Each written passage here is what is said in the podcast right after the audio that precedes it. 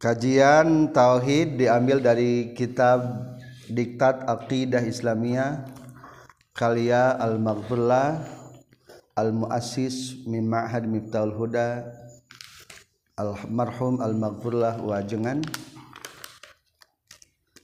Bismillahirrahmanirrahim. Alhamdulillahirabbil alamin Allahumma salli wa sallim wa barik ala Muhammad wa alihi washabi ajmain. Amma ba'du.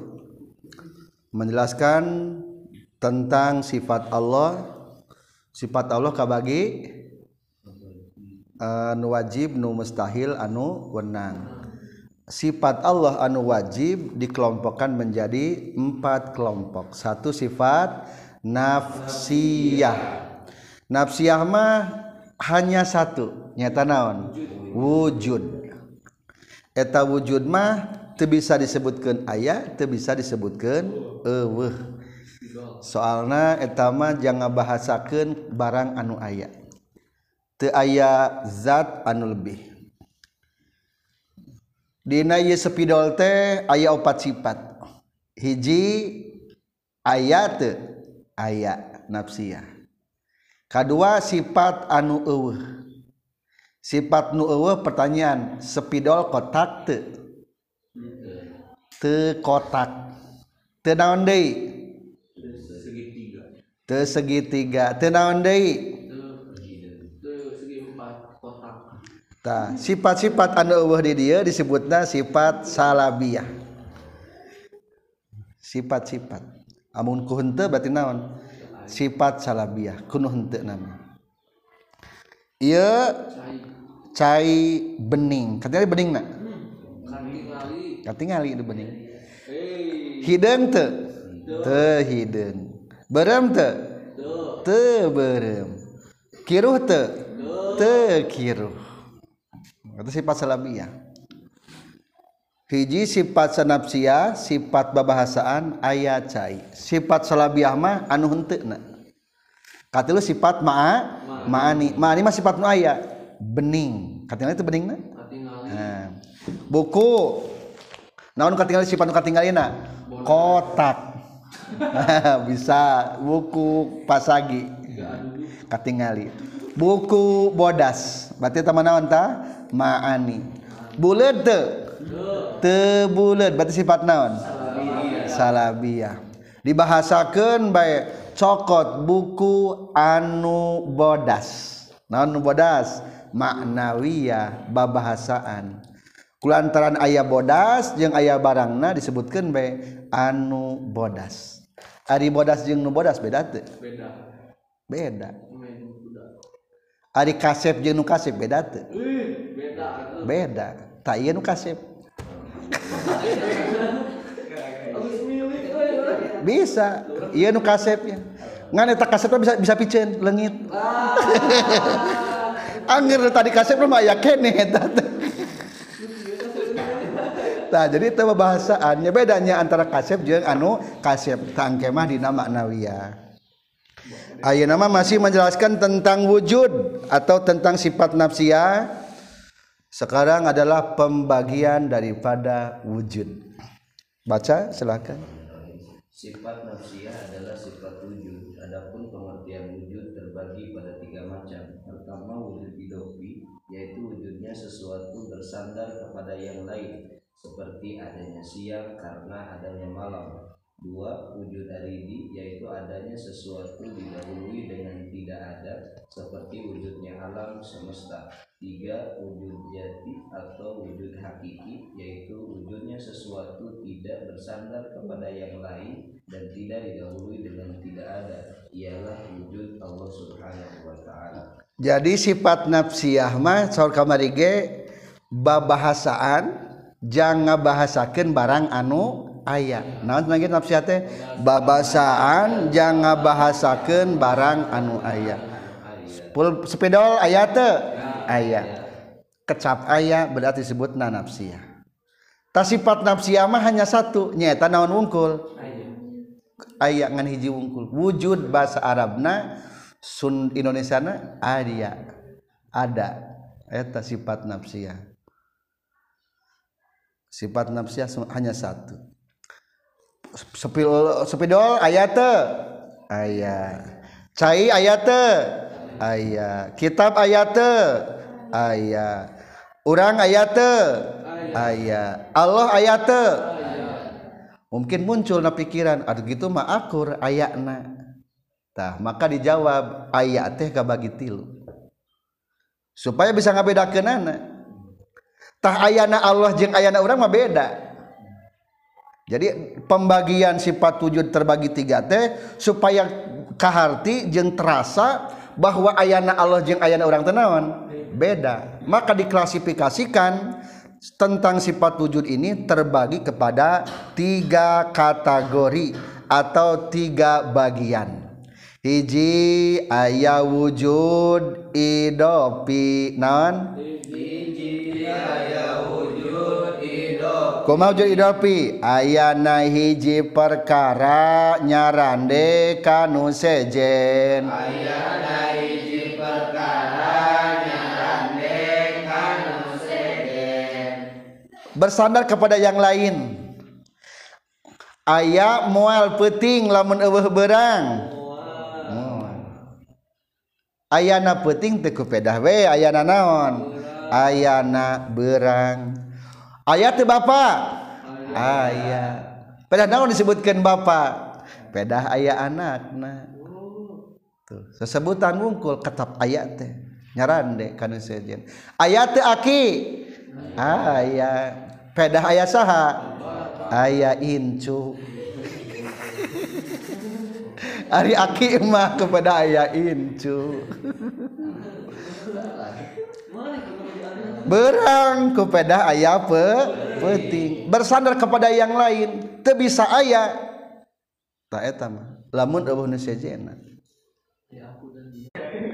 anak kupeda ayah bapak salaki kupeda ayah pamajikan Adi pamajikan mah lain salaki nu kitu mah ngaranna single tah ieu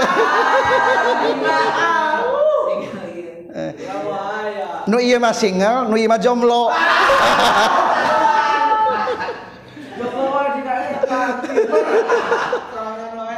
Nah jadi eta bedanya.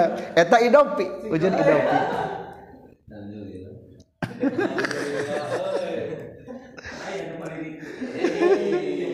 eta wujud idopi wujud idopi wujud idopi kedua ya wujud aridi. Tah Allah mah lain wujud idopi Allah mah lain wujud naon? Lain wujud idopi orang mah bersandarnya ayana ge deh. Jeung orang mah kadang-kadang butuhkan tempat deh orang mah. Engke dibahasna berarti nanti. Wujud idopi mah deh naon? Ayana hiji perkara nyarane kanu sejen. kedua wujud aridi. Hartosna aridi teh wujud baru-baruan. Berarti ayana dimimitian helaku te aya. Naon? Wujud aridi? Ayana dimimitian ku te aya. Jika nama KBG wujud aridi lain jika nama KBG wujud aridi. Dimimitian ku te aya KBG. Orang te aya heula tahun 1885 mah can aya ngaran ilham di dia teh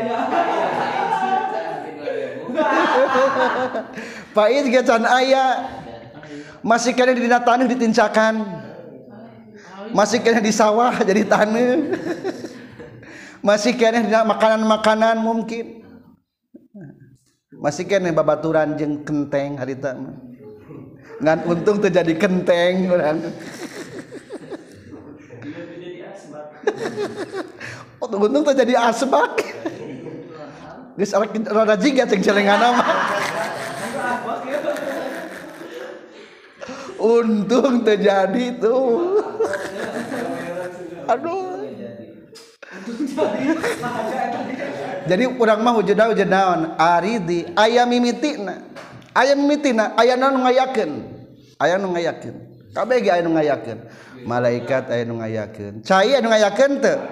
Aya. Allah nu ngayakeun. Langit aya nu ngayakeun teu? Aya. Ah kabeh ge teu aya naon aya nu ngayakeunana.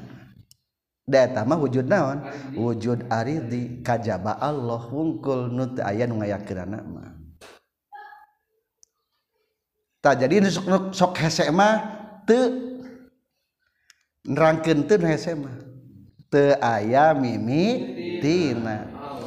Coba ayeuna ieu cai bening teu lamun nanyakeun ka budak nah geuning teu teu kiruh. Budak mah apa kumaha kiruh teh? Oke gitu tah. Ari henteu mah. Lah teu bogoh. Mungkin tengah tim kunaon teu bogoh gitu kan ya. Jadi nu henteu mah kadang-kadang loba banyak pertanyaan. Ketika dikatakan teu. Jadi uwihan deui ari-ari di mana ayana hiji perkara eueuh heula kabeh ge di seperti ayana alam semesta. Matahari eueuh bulan eueuh katilu adalah wujud hakiki. Tak iya. Bedana orang jeng Allah mah. Ari orang mah ayana teh eueuh heula ari wujud hakiki mah kumaha? Ayana hiji perkara napikeun tidak wujud idopi. Teu nyarande kanu sejen. Napikeun wujud aridi jeng teu kapihelaan ku eueuh heula kumaha wujud hakiki mah atau wujud dati? ayana hiji perkara. Kanu sejen. Ku eueuheula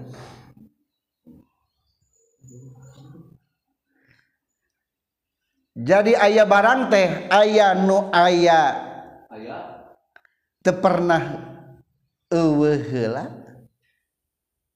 ayah nu eueuh teu pernah ayah aya lunawan senage aya nu aya teu pernah eueuh. Saha eta mah? Allah. Aya nu eueuh teu pernah aya loba teh nu eueuh teu pernah aya di dieu aya kapal terbang teu.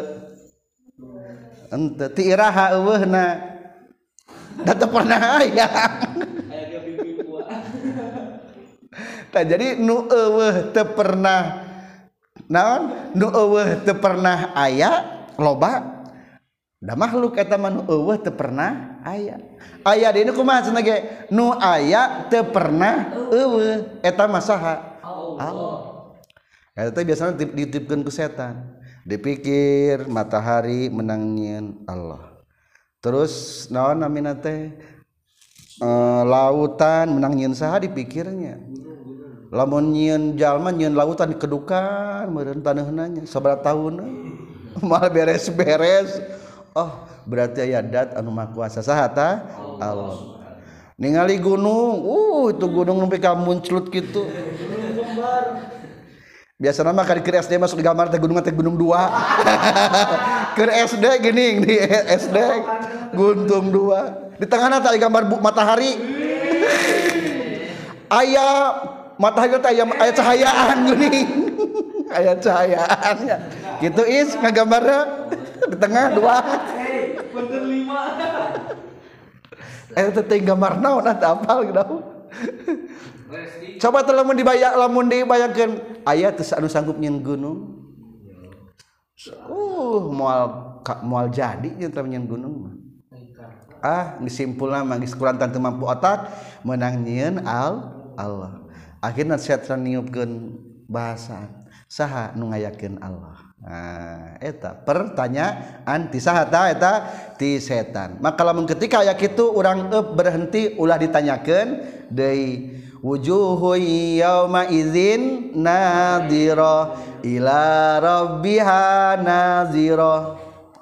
Wujuhu yauma idzin nadira pada hari kiamat nanti wajah orang-orang mukmin akan berseri-seri ila rabbiha nazira akan melihat wajah Tuhannya. Tangke orang bakal ningali pangeran. Lamun ninga lamun rangkeun ka budak leutik Jakarta atawa Mekah hese rangkeunana leuheung ayeuna mah televisi televisinya baheula mah. Kumaha si ari Mekah? Kumaha si ari Ka'bah lah tenang we. Engke ka ditu jeung bapak. kapan ya dah kita mah ngomong datanya, dah ya sederangke nana sederangke engke bakal itu jadi lamun lamun orang sanggar tiga kyo ku masih dari Allah ku masih Allah? Engkenya ke surga. Atau dipain tiayina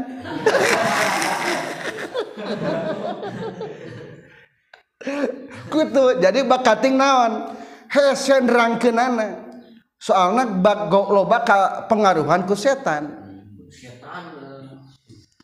setan. Jadi Wihandi beda antara wujudna Allah jeung wujud orang beda. Wujudna orang mah wujud aridi Ari Allah mah wujudna wujud hakiki nah wujud hakiki nang anda pikir dua teu nyarande kanu sejen teu aya mimitina. Urang mah aya ge sagala lagi aya mimitina. Pinter aya mimitina. Gelis aya mimitina kasep aya bibitina baheula mah aloe leho baheula mah. Itulah perbedaannya. Selanjutnya yang berikutnya. Juga sebetulnya ini membedakan antara makhluk dan Allah. Lanjut baca. Barang yang ada atau mewujud dapat ditemukan dengan hisi dan akli. Jah, barang nu aya teh kabagi dua. Aya nu bisa kependakna ku hisi, hisi teh naon? Panca indra. Kadua aya ku naon? Ku akli, akal pemikiran. Lanjut. yang diketemukan dengan hisi ialah yang dapat ditemukan oleh panca indera sebagaimana telah disebutkan pada bab terdahulu. Yang diketemukan dengan akli terbagi pada dua bagian. Pertama wujud akli mumasalah yaitu adanya ruhani makhluk dan sifat-sifatnya seperti gembira, susah, ilmu, bodoh, takut, berani dan lain sebagainya. Dua, wujud akli mukhalafah yaitu adanya Allah dan sifat-sifatnya seperti kudrot, irodat dan lain sebagainya. Barang maujud kapanggih ku dua sarang. Hiji ayaku hisi ku panca indra.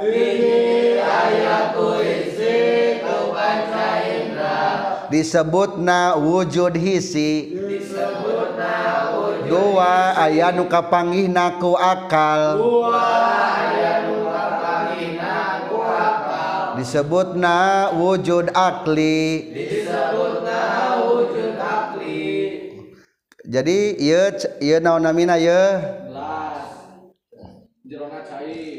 cai pertanyaan eta cai pang nyebutkan ieu teh cai kapenakna kunaon kupan caindra berarti wujud naon tak cai?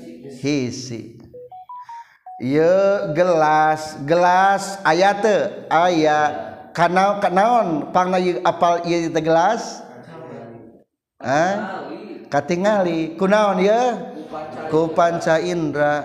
Hmm, bau eng. bau hitut. Ari hitut aya teu aya teh hitut. Teu aya. Berean berean teu aya. Cenah ge lamun teu aya lamun teu aya rek dibere. eta teh aya naon geuning aya? Ku panca indah kapendakna naon panca indra teh aya lima. Hiji mata dua hidung tiga telinga opat perasa lima kacabak karasa kulit. Cing ari hitu panggina kunaon ku hidung. Lamun teu percaya engke diwolkeun tah. Atau lamun masih teh keneh teu kaambe berarti wayahna datangkeun mobil covid. berarti eta mah geus teu pugu penciuman. Jadi hitut teh aya. Aya eta teh hitut teh. Ngan kapanggihna kunaon ku panca indra. Aya percaya teh hitut aya? Percaya ya namanya bisa teu percaya karena botolkeun karena kulkaskeun. Engke gak baru ledak gitu kerincing kerincing kerincing eja Engke teh lamun dikeluarkeun teh tinggal rolong. Ditindas bae Dut.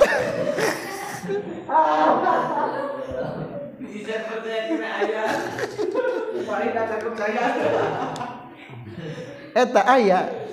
Ari amis aya teu? Aya.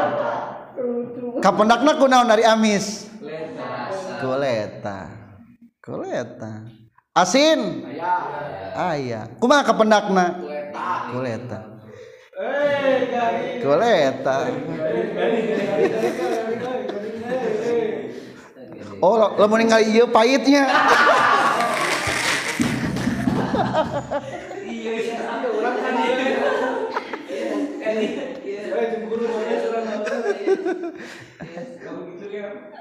Kita ya kata sama lumayan ada manis ya.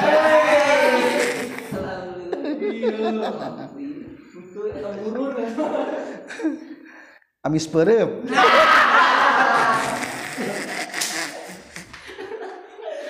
jadi hari manis mah kepanggina kuna entah koleta. Ih genyal. Ari genyal ke ayatnya genyal. Kurang kepangina genyal. kukulit eta ku kulit ih da leueur. leur nah kepangin aku ku kulit eta. Mah berarti eta genaon a? Aya tuh araya ketingali ku panca indra. Berarti eta mah wujud naon ta? Wujud hisi. Aya deui nu aya tapi teu katingali ku panca indra mah. Tah lamun teu katingali ku pan, teu kapanggih ku panca indra disebutna wujud akli. Susah. Bunga, katingali teu bunga. Ari bunga seri lain. Lain. Nu gelo dengan serian. Eh teh bunga atawa kumaha eta teh? Teh seserian we sorangan di jalan. Tuh ternyata ari bunga mah teu katingal lain nu seuri. sedih cerik lain. Lain. Eta panganten. Barang begitu akad langsung cerik. Eta panganten. Bakating bunga bakating susah. Bakating bunga ting mungkin susah meureun hanya ka tiba heula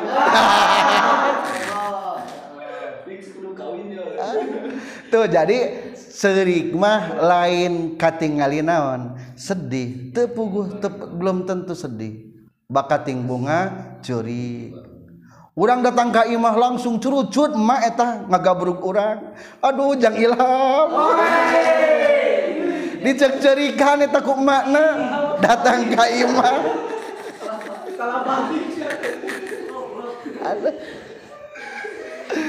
Alhamdulillah untuk si pihelaan